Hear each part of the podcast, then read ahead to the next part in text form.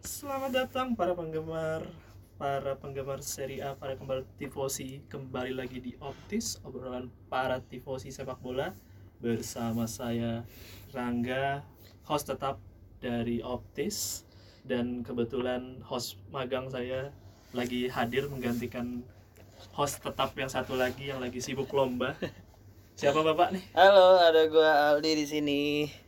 Hari ini kita kebetulan karena sebelum mulai match Serie A kita kayaknya pengen bahas sedikit nih sebelum mulai. Yoi. Kalau menurut lu gimana nanti ya ke Hmm. pembahasan kita ke depan kurang lebih bahas ya gimana lah apa yang terjadi nanti di either di minggu pertama atau mungkin di musim inilah ya gambaran utamanya ya. iya, iya. Hmm. Kira-kira yang mau kita bahas dulu apa nih Bapak Aldi nih? Apa ya? Karena ini kan udah ha- ya nggak bukan hamin seminggu lagi nih udah hampir Iya, hamin lima deh bahkan iya. Kalau kita 15 nanti ya. kan uh, upload hari Kamis, jadi kemungkinan kayaknya match pertama hari Sabtu ya. Sabtu iya hari tanggal Sabtu. 19 ada. Jadi ya mungkin sudah mendekati waktu-waktu genting sebelum mulai. Kalau menurut eh, yang lu udah sempat research ad- ada aturan baru nggak sih di Serie A? Kayaknya atau sama aja? untuk peraturan-peraturan teknisnya tuh masih sama aja ya. Hmm. Peraturan offset tuh juga belum belum mulai diterapin kan ya Hmm. katanya musim depan dan emang katanya Liga Italia dulu sih yang mungkin akan eh, Iya. nerapin tapi kayaknya belum musim ini. Hmm. Terus untuk eh, yang peraturan standing segala macam itu Mhm. juga masih sama, masih berdasarkan head to head dulu, baru Mhm. jumlah gol segala Iya, macam. nggak itu berubah lah ya, itu masih sama ya. Sama. Cuman dari yang gue baca eh, tadi barusan ada di musim ini akan ada akan ditiadakan eh, Christmas break. Jadi Christmas akan break. ada Christmas game. Karena kan biasanya kan kita Hmm. di Italia itu tanggal 24 ya, 24 23 tuh udah pertandingan terakhir, Ah. mulai lagi Januari tanggal 5 biasanya kan. Ya. Iya Ah. gitulah. Jadi, Jadi- ada mi- mirip kayak di Inggris dong, Boxing Day. Iya, ada Boxing Day-nya. Ya. Kasihan para pemain Iya. disuruh kerja terus-terusan ya. Ya tapi ya mungkin mereka udah mulai sadar juga kali ya bahwa bola udah lebih dari sekedar olahraga dong ya udah masuk udah masuk ke area industri lah. Iya, mungkin itu salah satu alasannya ya mereka akhirnya di musim ini nggak eh, maksudnya ada mengadakan Christmas game atau Boxing Hmm, Day itu hmm. mungkin ya salah satunya untuk jadi hiburan juga di eh, di akhir tahun Di akhir tahun. para masyarakat juga ya. Iya. Dan juga kan memang pendapatan di di streaming juga lumayan kan pasti mereka juga nggak mau missing out di situ karena Iya. setahu gue memang eh, eh, streaming itu lumayan gede pendapatannya di Hmm. di bulan-bulan Desember di Iya. YouTube di ya pokoknya di media sosial yang sifatnya OTT itu memang di Desember itu salah satu penghasilan terbesar Hmm. mereka lah di Europe ya di Indo mungkin nggak terlalu Iya, berasa mungkin ya, ya budayanya kan mereka di akhir-akhir tahun itu mereka pada ngumpul semua Ngumpul, karena jadi musim dingin musim juga dingin, kan jadi iya. ngumpul keluarga nonton film atau nonton ini ada tontonan sepak bola jadi mereka bisa kumpul-kumpul sambil Hmm. nonton bola seri A Iya, gitu. iya.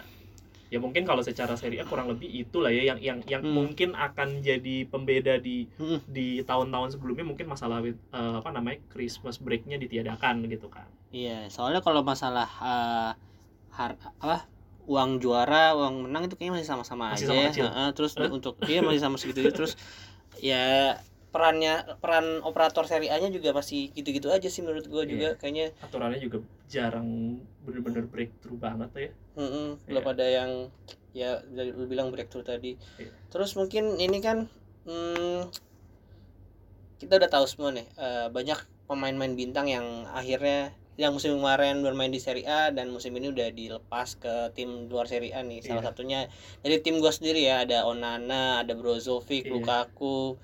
Nah menurut lu gimana nih banyaknya pemain-pemain eh, bintang yang keluar? Exodus pemain Serie A. Mm-mm. Ya, bukannya itu hal yang biasa yang setiap yang tiap tahun Iya, kita terima ada lah sih. ya. Ya, ya di Milan ada Tonali, di Napoli ada Kim Min Jae, ya Zelensky gimana Zelensky? Zelensky juga kemungkinan Exodus ke Arab juga. Arab juga ya. jadi ya kalau ngelihat itu sih gua nggak nggak terlalu heran ya maksudnya ngelihat ngelihat secara pendapatan Serie A juga tim-timnya nggak gede terus tim-tim yang pemain-pemain yang pergi juga ya memang memang nggak salah-salah amat lah karena Hmm. memang balik lagi kebutuhan dapur untuk ngebul sih make sense ya jadi menurut gua sih ya normal-normal aja tapi ya kalau ngelihat dari persiapan tim-tim Serie A sih menurut gua yang yang paling proper sampai saat ini yang benar-benar jor-joran ya Hmm. cuma AC Milan sih ya Iya betul betul. Ya kayak Napoli pun juga sampai saat ini pembeliannya cuma nambel pemain-pemain yang pergi. Zielinski pergi kemungkinan Gabri Vega masuk dari Celta Vigo Vigo ya terus Jan Juste itu dari La uh, Ligue 1 itu juga kayaknya buat nambel atau buat jadi backupnya uh, Lobotka di sisi defensive oh, midfielder dari skate Rams sih dia dari yang main Iya, Swedia iya itu betul kan betul dari pemain Swedia. Terus juga back ngegantiin Kim Min Jae juga udah masuk dari Brazil Nathan. Jadi oh, ya Sinatan oke Napoli transfernya juga pasif. Hmm. Eh, maksudnya hanya membeli pemain-pemain yang yang dibutuhin aja. Juve juga kurang lebih sama ya kayak misalkan Timothy Weah cuma ya Hmm. ya pembelian-pembelian yang dirasa cukup untuk nambel aja. Mungkin kalau yang kelihatan agresif gua cukup lihat ada dua lah ya mungkin eh, ngomongin Monza sama Milan emang paling paling aktif Iya. karena mungkin sama dulu ownernya karena mungkin sama kali ya juga yang mainnya sama kali ya. iya iya iya kalau Milan eh, berapa udah? Enam terakhir susah Ah, setahu gue gua udah nggak hafal sama Iya, sekali. dan dan Chukwueze itu kan juga kayaknya bukan bukan transfer terakhir yang yang gue inget Hmm. masih masih ada transfer lagi dari situ. Inter juga cukup banyak sebenarnya tapi Hmm. ber- maksudnya berbanding lurus dengan pemain-pemain yang pergi sebenarnya ya kan. betul betul. Banyak banget pemain-pemain yang udah menginjak usia-usia peak performance-nya udah lewat lah ya. Kayak De Ambrosio pindah ke Monza. Hmm. Handanovic perpanjang Eh, enggak cabut juga cabut dia. banyak banget kan Hmm. berarti kan? Ada berapa pemain yang cabut? Ada Andanovic, Kordas, kiper ada tiga, terus Brozovic, Skriniar. Skriniar, Lukaku 6 ya kurang lebih pemain intinya 6 sih. berarti bener-bener nanti musim Serie A 2023-2024 enam pemain starter kemungkinan bakal berubah tuh ya sorry bukan star maksudnya eh, enam Oh, pemain pemain-pemain. yang biasanya di per- eh, squad utama iya, lah iya, ya. skuad utama ya kip- kiper udah pasti ganti, Ganti. Ini jadi Jan Sommer Mm-mm. dari sektor belakang kemungkinan ada perubahan nggak Ada tuh jadi eh, Darmian ya mungkin musim kemarin udah udah mulai sih, cuman Iya, kan iya. akhirnya jadi Darmian yang tadinya sebagai plot eh, backup jadi Hmm, jadi utama, utama. Heeh. Di sayap kemungkinan sih enggak lah ya Iya, sayap masih masih- normal gelandang yang cu- kayaknya gelandang bakal berubah juga sektor serangan juga pasti pengganti apa namanya backupnya dari ap- apa namanya pen- eh, tandemnya Lautaro pasti berubah juga Iya. kemungkinan Marcus Thuram ya Mm-mm. jadi ya kalau ngelihat persiapan tim-tim gede sih sebenarnya kalau gue lihat kayaknya yang lebih mature yang maksudnya secara transfer lebih bersiap Milan Mm-mm. tapi ya menurut gua sih bersiap itu bukan berarti paling paling proper sih kalau gua ngelihat ya malah justru Milan eh, masih di ranah transfer transfer maruk kayaknya transfer kalap. Iya iya, soalnya ya kayaknya dia hampir 6 atau 7 gitu. Dan harganya memang lumayan eh, nggak bukan yang terlalu mahal juga sih. Rata-rata 20 jutaan. tapi ya lumayan dong. Hmm. Luma- hitungannya transfer transfer yang biasanya diplot untuk pemain utama kan kisaran Iya. segitu kan. Mm. Napoli juga ngelakuin transfer kurang lebih 20-30 juta euro per pemain gitu. Jadi ya gua nggak tahu nanti skemanya Pioli bakal gimana ini harusnya kalau ada Reja enak nih kita bulinya nih tapi lagi karena lagi ambisius lagi kompetisi dia di kantornya jadi ya sudahlah kita ikhlaskan ya Kalau Lazio dan Roma sendiri gimana nih? menurut gua justru Lazio yang cukup ya gua nggak ngelihat banyak transfer-transfer yang yang mega bintang lah terakhir yang gua denger kan Berardi udah santer sana sini Hmm. ternyata akhirnya juga nggak jelas Hmm. Kira akhirnya juga Berardi nggak nggak pergi. Tapi menurut gue yang gua lihat punya transfer strategis sih Roma sama Fiorentina ya. Betul, betul. Uh, Roma sama Fiorentina menurut gue uh, ngelakuin beberapa transfer transfer strategis. Justru kayak Roma itu udah ngelakuin uh, deal transfer itu di bulan Maret ya Maret April. Iya, mereka udah udah udah ya. dealin beberapa pemain-pemain gratisnya Mm-mm. gitu. Dan kayaknya nggak ada nggak ada pemain yang dibeli ya. Maksudnya pakai biaya transfer ya di Roma kan? Semuanya seingat gue itu pemain free transfer Iya, mungkin free transfer sama atau loan eh, dengan opsi, opsi tebus. iya, eh, iya. gitu-gitu. tapi memang ya pem, eh, gua ngelihatnya sih kayaknya Roma ngelakuin pembenahan dengan beberapa transfer strategis tapi masih belum masih menurut gua belum bisa dibilang jadi title contender lah tapi ya lihat lihat nanti lah kan Mourinho selalu punya magisnya sendiri kan kalau Fiorentina yang gua bener-bener perhatiin banget setelah Arthur cabut jadi transfer domino tuh eh Fernandes ya dari cabut ke eh Gonzalo Gonzalo Ramos, Gonzalo Ramos PSG. sorry ke PSG Mhm. lalu Arthur Cabral pindah ke Benfica terus Benfica eh, Fiorentina ngambil Balazola yang menurut kita juga kan salah satu Iya. striker yang lumayan oke lah kemarin di Hmm. di Spezia juga lumayan oke jadi gue cukup penasaran tuh nanti Balazola gimana cara ngefitnya jadi banyak striker-striker gila juga nanti di Fiorentina kan Ya. Jovic ada Balazola ada terus mirip-mirip juga lagi Hmm. Bobakar juga kalau nggak salah tuh yang Iya. striker mud yang udah gak muda sih dulu zaman dulu muda sih Ya, terus kalau eh, balik lagi ke Lazio, Lazio juga setahu gue cuman yang pemain Jepang itu yang oh oh Daichi Kamada yang tadi katanya mau ke Napoli mau ke Eh, Milan mau ke sana mau ke sini iya. nggak jelas ujung-ujungnya diembatnya sama Lazio ya tapi apa yang ya tapi kalau ngelihat Lazio juga udah banyak pemain yang udah ngelewatin performance terbaiknya lah kayak Iya. musim lalu eh, striker andalan Ciro Immobile juga biarpun banyak cedera ya Hmm. tapi ya nggak terlalu berkembang juga Iya. banyak gol-gol yang kejadian itu justru dari dari lapangan tengah ya ya Iya. dari Mil- Milinkovic Savic dari Iya. Luis Alberto. Milinkovic Savic juga sekarang kan udah pindah ke Arab Hilal jadi ya ya, ya gue udah nggak belum Hmm. belum paham sih nanti skemanya di musim depan Lazio bakal bertahan seperti apa. Mungkin Even, apa? mungkin dia iya. masukin eh, untuk dia kan ada Ciro Immobile bisa uh, utama. Dan kayaknya eh kemarin dia udah datangin striker ya cukup usianya masih cukup oke 23 tahun Hmm. atau 24 tahun dari New York City namanya Tati siapa gitu pokoknya itu dari- ya itu mungkin salah satu mungkin yang akan diplot jadi backupnya si Ciro ya karena Ciro juga umurnya udah Iya, dan banyak cedera juga di Dan- musim iya, lalu. betul. Apalagi kemarin cederanya yang cukup aneh juga kan yang kecelakaan mobil kan sempat kan iya iya iya. yang tangannya fracture tapi ya ya sudah musim lalu Immobile akhirnya juga nggak Hmm. terlalu banyak perform. Pedro pun juga setahu gua habis diperpanjang kontrak 2 tahun setahu gua dari dari Lazio jadi ya ya itulah pemain-pemain yang yang mungkin eh, wajah lama yang menurut gue juga sebenarnya nggak terlalu di akhir musim justru declining banget lah Lazio yang diharapin bisa masuk bisa merangsak di di atas banget ternyata ya tur menurun Hmm. juga gitu terus kalau lo ngomongin tadi kan kita ngomongin tim papan atas ya ya ya kita tahu lah tim papan atas punya punya modal yang lebih gede capital yang lebih gede nah Hmm. gue justru lebih lebih excited ngelihat tim-tim promosi nih Iya, apalagi setuju, setuju. lo kalau ngelihat dari tim-tim promosi itu semuanya satu satu adalah mantan pelatih gede Italia juga yang udah Ya. pernah juara di Premier League juga salah satu the best league in the world Mm-mm. terus dua lagi ini mantan pemain terbaik yang satu akhirnya resign sih yang satu resign ada Fabio Grosso sama Alberto Gilardino Gilardino. gitu dua-duanya mantan pemain gede tapi sayangnya eh, Grosso akhirnya cabut digantiin Eusebio Di Francesco kan dari Hellas Verona yang degradasi juga Oh, iya sih, iya. iya. gitu jadi ya ngelihat mungkin kalau gua highlight sedikit ya kalau ngeliatin profilnya si Cagliari di musim ini eh major transfernya itu ada major transfernya itu ada dua si Pons Cavet yang dulu di Udinese Udinese ya. main di Clutch Sol kalau nggak salah dia di Iya, main di Liga Cluj, ya. Iya di Romania ya Iya. Iya dulu kan salah satu wonderkid juga tuh seingat gua wonderkid Udinese sama Atalanta eh Napoli pernah kan? Eh, enggak enggak. Tapi di Udinese tuh dulu banyak banget kiper-kiper bagus kan. Iya, Skuvet juga salah satu. Ada Musso terus Meret. Akhirnya ya Skuvet kayaknya nggak terlalu jadi andalan. Akhirnya pindah ke Rumania. Sekarang balik lagi ke Itali ke Cagliari. Gue sih berharap ngelihat karirnya hidup lagi karena lagi banyak kiper-kiper Itali yang lagi on on perform Mm-mm, banget betul, lah. betul. Berharap gitu sama itu strikernya Roma Eldor Shomurodov iya. kan pindah ke Cagliari juga jadi ya gue berharap sih dia bisa ya at least nggak langsung degradasi lah karena Ranieri juga punya strategi ya memang dibilang ngomongnya strateginya simpel tapi ya buktinya berhasil bahwa Cagliari naik kan Iya. Dan selain itu juga ada Tommaso Augello yang dari Sampdoria Oh, sebelumnya yang back kiri itu iya, dia iya, cukup oke sebenarnya. cukup oke gua. sih tapi memang apes Sampdoria lagi Ah. apes kemarin Ah. ya berharap cepat rebound lah ke Serie A lagi gitu gue berharap banget Terus ada Jakub Jangto juga main Oh. eh, Ceko yang dia di Udinese sempat oke terus akhirnya dia pergi ke Liga Spanyol kalau nggak salah dan Hmm. akhirnya balik lagi ke Italia ke Cagliari. Iya.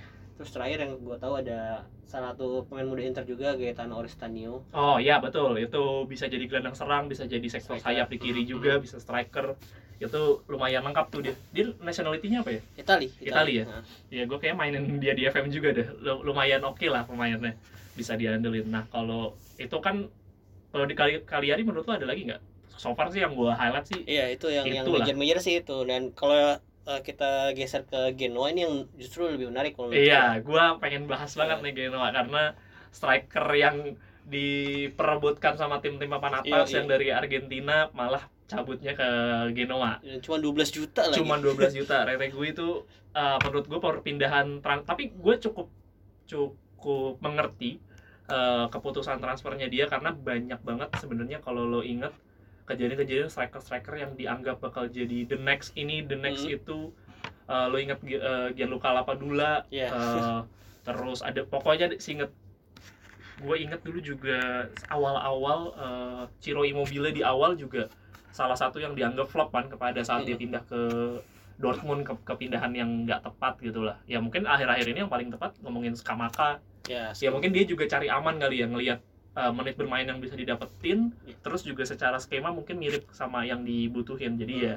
ke- kepergiannya ke Genoa gue sih gue cukup bisa paham lah Ya. tapi yang gue nggak bisa paham tim kenapa harus tim promosi gitu masih Hmm. ada Sassuolo Hmm. masih ada mungkin Salernitana atau Monza yang yang menurut gue harusnya lebih stable gitu dibandingkan tim promosi Genoa dan kemarin dia langsung ngebuktiin performanya di Coppa Italia ya. Iya iya. Uh, uh, menang 4-2 kalau nggak salah. Iya. dan dia langsung golin di detik ke 30 first touch-nya dia langsung jadi first goal. Iya, iya, tapi emang menurut gue salah satu striker yang punya kecepatan juga ya mainnya ya mirip-mirip ya di Natali kalau gue ya. Iya, gue gua ngeliatnya itu ya di Natali masa muda ya. Hmm. Cuman ya gue tapi kayaknya striker model Retegui itu memang lagi banyak di sekarang kan kayak Gino, eh, Giotto, Ginotto, terus ya. juga eh, Raspadori lagi banyak banget kita punya striker-striker Italia itu yang pendek, ek- akselerasi bagus tapi punya finishing touch-nya juga ya yang bagus juga. oke sih Terus menurut gua satu lagi pemain kebanggaan Reza nih Oh, sebenarnya.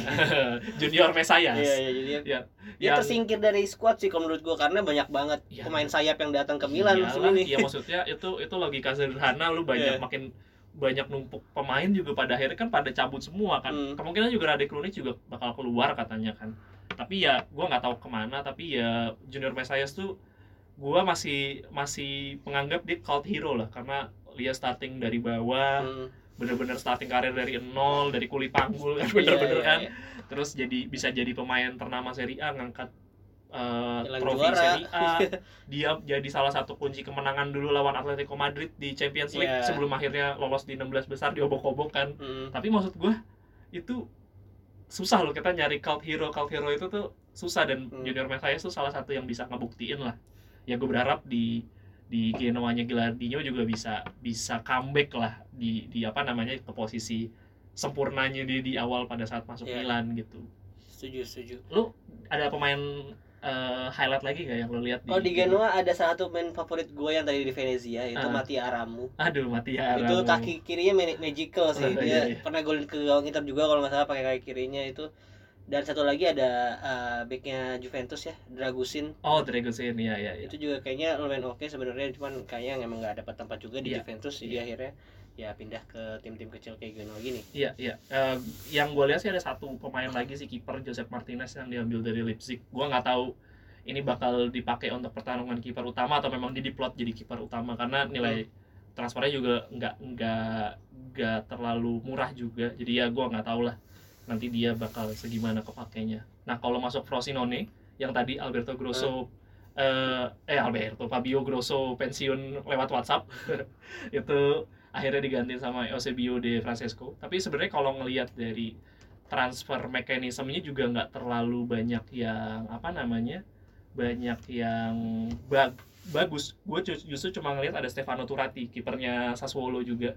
Oh Eh. iya gue juga lihat gue lihat tuh banyak nggak banyak yang gue kenal dan gue Iya. gua rasa bukan pemain yang sering malang melintang di Serie A gitu. Betul betul. Kayaknya juga dia ngambil justru ngambil transfer transfer anchornya justru ngambil dari seri B Nah, Hmm. menurut gue salah satu yang gue highlight sih memang Stefano Turati, salah satu wonderkid juga lah di Hmm. di di FM dan juga memang di di Sassuolo musim kemarin nggak terlalu banyak tempat karena diambil sama kiper konsili iya sama Konsili yang sebenarnya banyak kebobolan juga Eh. musim lalu kebobolan yang aneh-aneh.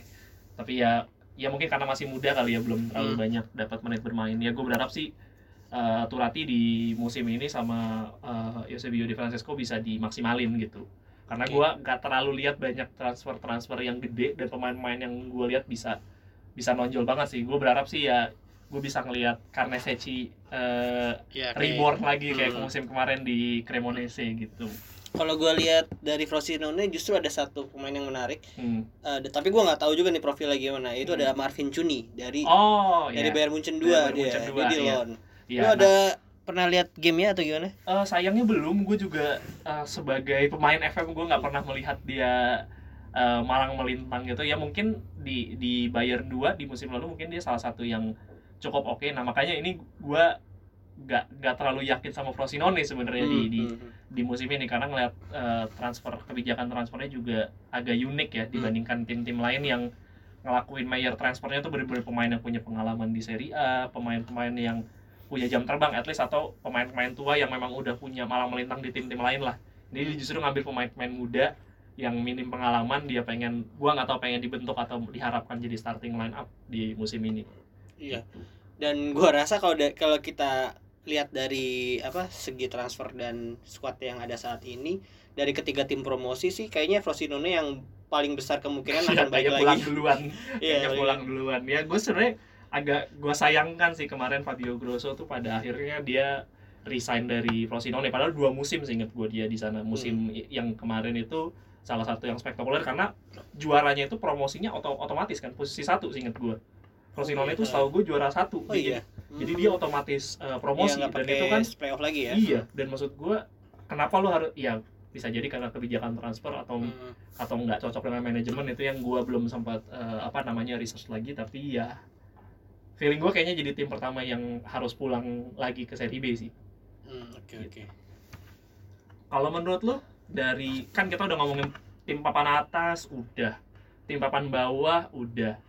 Terus kalau lu harus eh, fokus ke area tim-tim yang harus teman-teman sekarang nih yang yang mesti nonton kecuali eh, selain tim-tim gede menurut lu siapa Ya masih sama kayak musim kemarin sih kan kita sempat bikin episode terakhir yang bahas Ah, Serie A juga ah, ya. ya. Masih sama di Monza sih. Iya sama, gua eh, orang banyak yang bilang karena kehilangan Berlusconi membuat Monza bakal kembali ke setelan pabriknya. Maksudnya ya dengan dengan kebijakan transfer yang ala-ala Hmm. sama yang mungkin eh, ya jadi tim yoyo lagi gitu. Tapi menurut gua kayaknya enggak deh ngelihat dari kebijakan transfernya musim ini cukup berani ngambil Gianluca Caprari juga diambil, Matteo Pessina dari Atalanta juga lumayan pembeliannya 12 juta euro. Hmm, Terus juga Pablo Mari yang diambil dari eh, Arsenal Arsenal.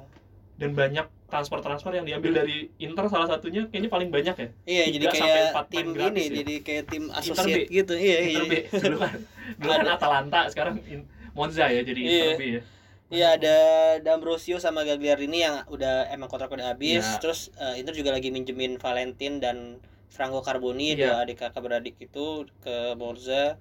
terus De, Gro- De Gregorio juga dulu Iya kan tadi juga banyak banget Inter. udah berapa total sekarang 6 kali ya pemain Inter yang ada di squad itu ada Luka Cardiola juga tadi Inter tuh, sang Oh. kapten dia tuh. oh iya iya iya Inter Primavera juga dulu. banyak banget Eh, di kalau dari pemain Napoli itu ada Andrea Petagna dari ke sana Iya, yang Petagna. ngegolin satu gol kemarin kalah 2-0 Napoli lawan Monza itu yang golin Andrea Petagna jadi ya menurut gue Monza masih jadi tim dengan komposisi yang paling paling stabil paling cukup oke untuk gue bisa berani jamin dia bakal merangsek ke papan atas. Papan atas tuh mungkin ya eh, 8 Ya, 8 ke atas gitu 9 8 tuh masih masih bisa lah dia masuk ke sana. Ada lagi nggak menurut lo? Ya, kalau menurut gue sih eh, transfer-transfer yang Monza ini kayak ya maksudnya bukan transfer ngasal-ngasal yang lagi Iya. ada pemain gratis terus Iya, diambil iya. itu benar-benar yang emang dia tuh blueprintnya jelas gitu Iya. dan eh, dengan kan kabarnya juga Carlos Augusto itu Oh, udah cabut ke iya. Inter maksudnya ya, eh, efek domino juga lah ya Iya, maksudnya iya, iya. Robin Gosens pindah ke Union Berlin iya Carlos Augusto ke Inter nah Hmm. itu dia udah udah siap juga udah ada backup udah udah ada backup ya contohnya si Georgios Kiarakopoulos yang Hmm. Iya. darinya dari Sus- Sassuolo musim kemarin itu juga oke Oh iya ya lu ah, rotasi lah tapi ya Oh. lumayan lah udah udah lumayan jam terbangnya udah lumayan. Mm-mm, dan eh, ada pemain-pemain yang sebenarnya musim lalu juga udah ada di sana ya ada Armando Izzo juga Oh, iya. kaptennya dulu terus ada yang menarik menurut gue ya Dani Mota itu loh striker iya. itu kenapa Iya, nggak iya. banyak striker yang ah, maksudnya nggak banyak tim-tim besar yang ngincer dia padahal umurnya masih 25 dan penampilannya musim kemarin oke Dan nationality-nya bukan bukan Italia ya. ya Dani Mota. Luxembourg ya Luxembourg itu yang menarik tuh. Itu gue pernah main FM Dani Mota udah pasti Italia ternyata Luxembourg itu agak ada tapi pergerakannya gila sih. Gue nonton dia kalau kalau ngomongin skema counter attack pergerakannya sih Dani Mota sih emang gila sih. Ya jadi menurut gue Monza jadi salah satu la- tim yang layak buat kita tonton lah ya di Hmm. di musim depan selain Salernitana salah satu tim kesukaan gue juga yang akhirnya sudah mempermanenkan Abdullah Yedia juga eh, apa Lorenzo Pirola ya? Lorenzo Pilora ya Lorenzo Pirola juga sudah di eh, apa namanya eh, permanenin dan juga ada kiper backup yang membuat sekarang kipernya Salernitana ada empat. Ada Benoit Costil dari eh, Prancis. Itu juga kiper kawakan juga di 36 tahun. Lumayan sering udah lama banget malang melintang di Ligue 1 juga. Jadi total sekarang kipernya ada empat. Ada Luigi Sepe ada Ochoa ada Costil sama satu lagi Fiorillo nah ini gua nggak tahu nanti perebutan Iya. kiper utamanya bakal seperti apa tapi yang pasti ini empat empatnya kiper kepala Iya. tiga semua tiga dua tiga Ochoa yang paling tua tiga delapan Benoit Costil tiga enam Fiorillo tuh tiga tiga. Jadi ya perebutan antara kiper-kiper senior ini gue penasaran siapa yang bakal jadi utama karena mesti diakui Ochoa juga terkadang ada off day-nya juga biarpun yang refleksnya masih gila ya di kemarin di umur 37-nya masih masih jadi salah satu kiper terbaik juga di Serie A. Iya, let's see lah bakal bakal berjalan ke mana si Salernitana. Terus juga ada kan Reva juga baru di Iya. permanen dari Sampdoria ya gue nggak tahu lah ngelihat pergerakan apa namanya Salernitana di musim depan gimana. Oke, tadi kan udah itu secara tim berarti kita akan mensuggest ke para pendengar kita ini kalau ya Monza sama Salernitana ini eh, salah dua tim yang memang harus diwaspadai oleh tim-tim besar dan Iya. kita worth untuk nontonnya juga Iya, ya. Giant itu dua-duanya masih Giant killing lah. Di di musim kemarin mereka Giant killing biarpun ya pada akhirnya di di di akhir-akhir musim ya cukup menurun lah ya. Tapi masih masih masih ngegigit kok. Mereka masih cukup ngegigit. Ya mungkin gue tambahin satu mungkin Genoa kali ya Genoa Iya, gue nggak tahu bakal juga. bakal sejauh apa tapi Mhm. gue ngeliat kayaknya mereka nggak bakal degradasi Iya di menarik nih. Kayaknya emang eh, Genoa juga salah satu tim yang eh, benar-benar berbenah. Mereka habis dari bawah dan ke atasnya tuh nggak nggak nggak cuma lewat doang Iya, kayak iya, menurut gue. Iya, iya, nggak nggak naik karena tiba-tiba, tapi Hmm. ya ada proses di situnya juga. Kalau ngomongin pemain, di yang menurut lu lu lai kayak orang nonton tuh, ya inilah yang mesti lo tonton gitu. Hmm. Menurut gue sih kalau player to watch musim depan masih dari Monza juga sih, tapi ini Nicolo Rovella. Nicolo. Rovella. Nicolo Rovella tuh masih dipinjemin ya di, di musim ini ya. Iya, kayaknya masih deh. Seinget gue kayaknya dia harusnya Di udah Juventus balik, ya harusnya. baliknya ke Juventus, tapi ya gue nggak tahu seberapa sering nanti Nicolo Rovella bakal dimainin lagi gitu. Mm-mm. Karena kan gelandangnya Juventus udah numpuk banget nih Numpuk sebenarnya. tapi masih banyak cedera. Tapi Iya nggak tahu nih gue gue juga belum lihat eh, pergerakan Juventusnya nanti. Tapi kalau misalnya pun dia main di Juventus, kayaknya dia masih bisa dapat tempat tempat dan menit bermain juga Iya, sih. iya, iya. Kalau gua ada dua.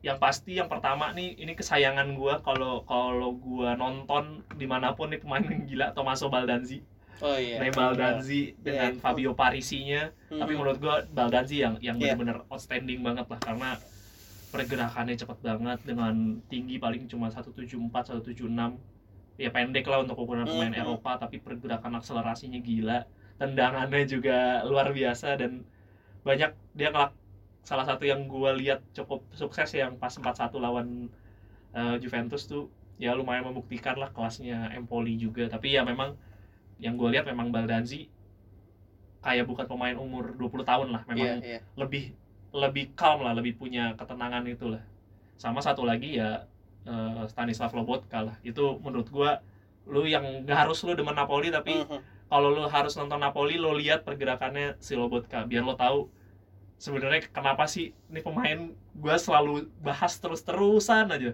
karena menurut gue memang ini pemain ya Iniesta banget gitu pergerakannya nggak ada yang tahu tapi ya kalau nggak ada dia berantakan lah eh, anchornya Napoli sih di situ kalau menurut lo selain itu ada lagi? Selain itu justru gue kayak mau balik ke ini deh ke timnya lagi deh. Soalnya gue lupa tadi gue juga penasaran sama Hmm. Milan nih. Ah, Milan iya. karena kan punya pemain yang banyak banget dan Bener dan sih. rata-rata tuh mainnya wing semua yang bisa main di wing lah kayak ada Christian Pulisic tuh si Chukwueze itu Iya. terus Noah Okafor juga menurut Okafor. bukan bukan striker yang Iya, benar-benar striker yang lebih lebar lah Iya, beda striker- banget sama Giro bener Hmm, terus ada Yunus Musa terus siapa lagi Eh, yang dari ini juga dari Amerika juga eh bukan Amerika sorry apa lagi?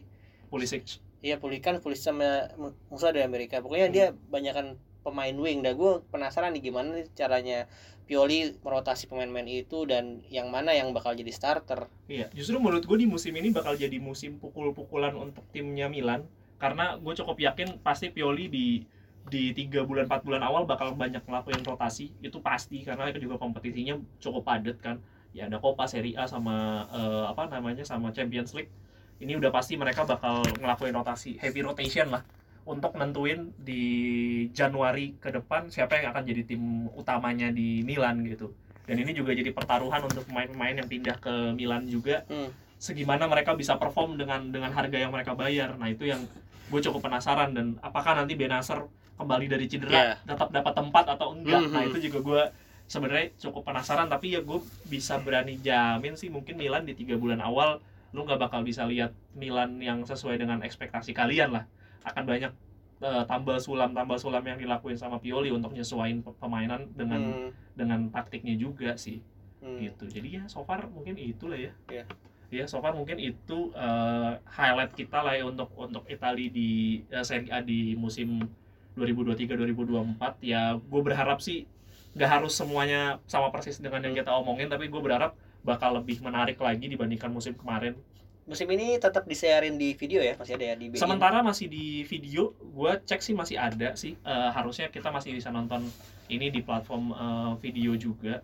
Dan gue juga berharap kayaknya eh, di lebih lebih stabil. Lah kayak terakhir gue di video juga sering banyak problem juga. Oh, tapi iya. kayak gue terakhir nonton Premier League sih aman sih. Jadi gue berharap harusnya kita bisa nonton sampai akhir musim lah jangan lupa subscribe video teman-teman Ya, langsung setahun setahun kalau gua nggak salah gua cek tadi kalau untuk yang di luar IPL itu 229.000 ribu doang kok. Oh oke oke. Kayaknya kalau bulanan setahu gue sih seratusan sih. Kayaknya udah naik gitu harga Hmm. subscriptionnya. Tapi ya jangan sering-sering nonton yang free-free karena bantulah tim kita juga supaya bisa uh, tetap dapat pemasukan dari dari apa namanya environment yang legal lah ya, Ya, Ba- bawa setuju, dari setuju. dari streaming service yang legal. Jadi ya mungkin itu aja kali Itu ya aja. untuk teman-teman yang uh, mau uh, dengerin kita di platform-platform lain. Kita sekarang udah expand juga Uh, udah masuk TikTok juga, udah masuk uh, YouTube juga, kita udah masuk di platform-platform di luar dari platform audio juga. Jadi ya mungkin kalau teman-teman punya waktu pengen lihat ada konten video juga, mungkin teman-teman bisa lihat ke sana ya. Oke, mungkin itu aja. Thank you teman-teman. Thank you, Thank you. dadah. Bye. Setengah jam.